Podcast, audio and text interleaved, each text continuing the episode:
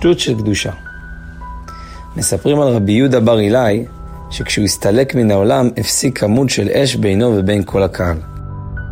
ובאותו מקום שאלו, מה הייתה הסיבה שדווקא אצלו הייתה כזו התגלות אלוקית מיוחדת? התשובה ממהרת לבוא, רבי יהודה בר אילאי היה מנהג מיוחד. אף על פי שהוא היה נחשב לדמות מאוד מכובדת ורצינית, כשהוא היה מגיע לשמח חתן וכלה, הוא היה נוטל מקלות של הדס ומתחיל להשתטות, לרקד ולעשות ג'אגלינג.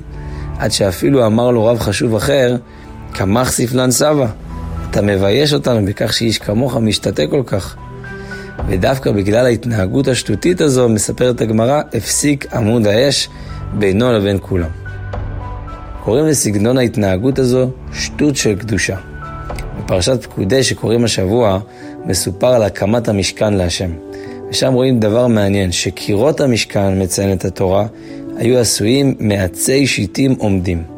עצי השיטה נקראים כך, מאחר שהעץ הוא גמיש יחסית ויכול לנטות לצדדים. כי שיטה שווה נטייה. כמו שאומרים לדוגמה, הוא סטה, נטה מהמסלול.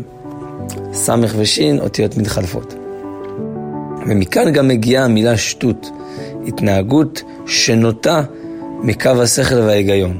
והכל שאלה של כיוון, כי יש נטייה מקו השכל וההיגיון למקום נמוך מהשכל. כשהאדם פועל מתוך היצרים שלו, פתאום הוא מסגל כל מיני דפוסי התנהגות קשיחים שאין להם מקום לפי ההיגיון, כמו ההתעקשות הבלתי מתפשרת על זמני הארוחות וזמני השינה, עד כדי כך שהם הופכים לבלתי נזוזים, ואילו ההתעסקות בעניינים רוחניים תמיד נדחית לזמנים אחרים, או שנדחית לגמרי חס ושלום.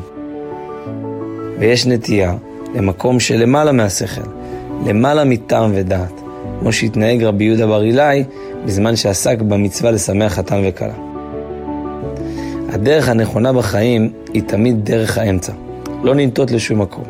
אבל העניין הוא שהשם סידר את הדברים ככה שלכל אחד תהיה משיכה טבעית לנטות מקו האמצע למטה מהשכל. וכדי לתקן סטייה בכיוון, כך מלמדים בבית הספר לימאות, לא מספיק לחזור בחזרה לאמצע, לכיוון הראשוני, אלא צריך לסטות לכיוון ההפוך קודם, ורק אז אפשר לחזור לאמצע. לכן כשהעולם מושך מצידו לשטויות שלו, אנחנו גם מצידנו מתנהגים בנוגע לתורה ולמצוות באופן של שטות דה קדושה. זו הסיבה שהעצים לקירות המשכן נעשו מעצי שיטים עומדים, לרמז שהדרך להשכין את השם בעולם, וגם בתוך כל אחד, היא על ידי שהופכים את השטות לשטות דה קדושה.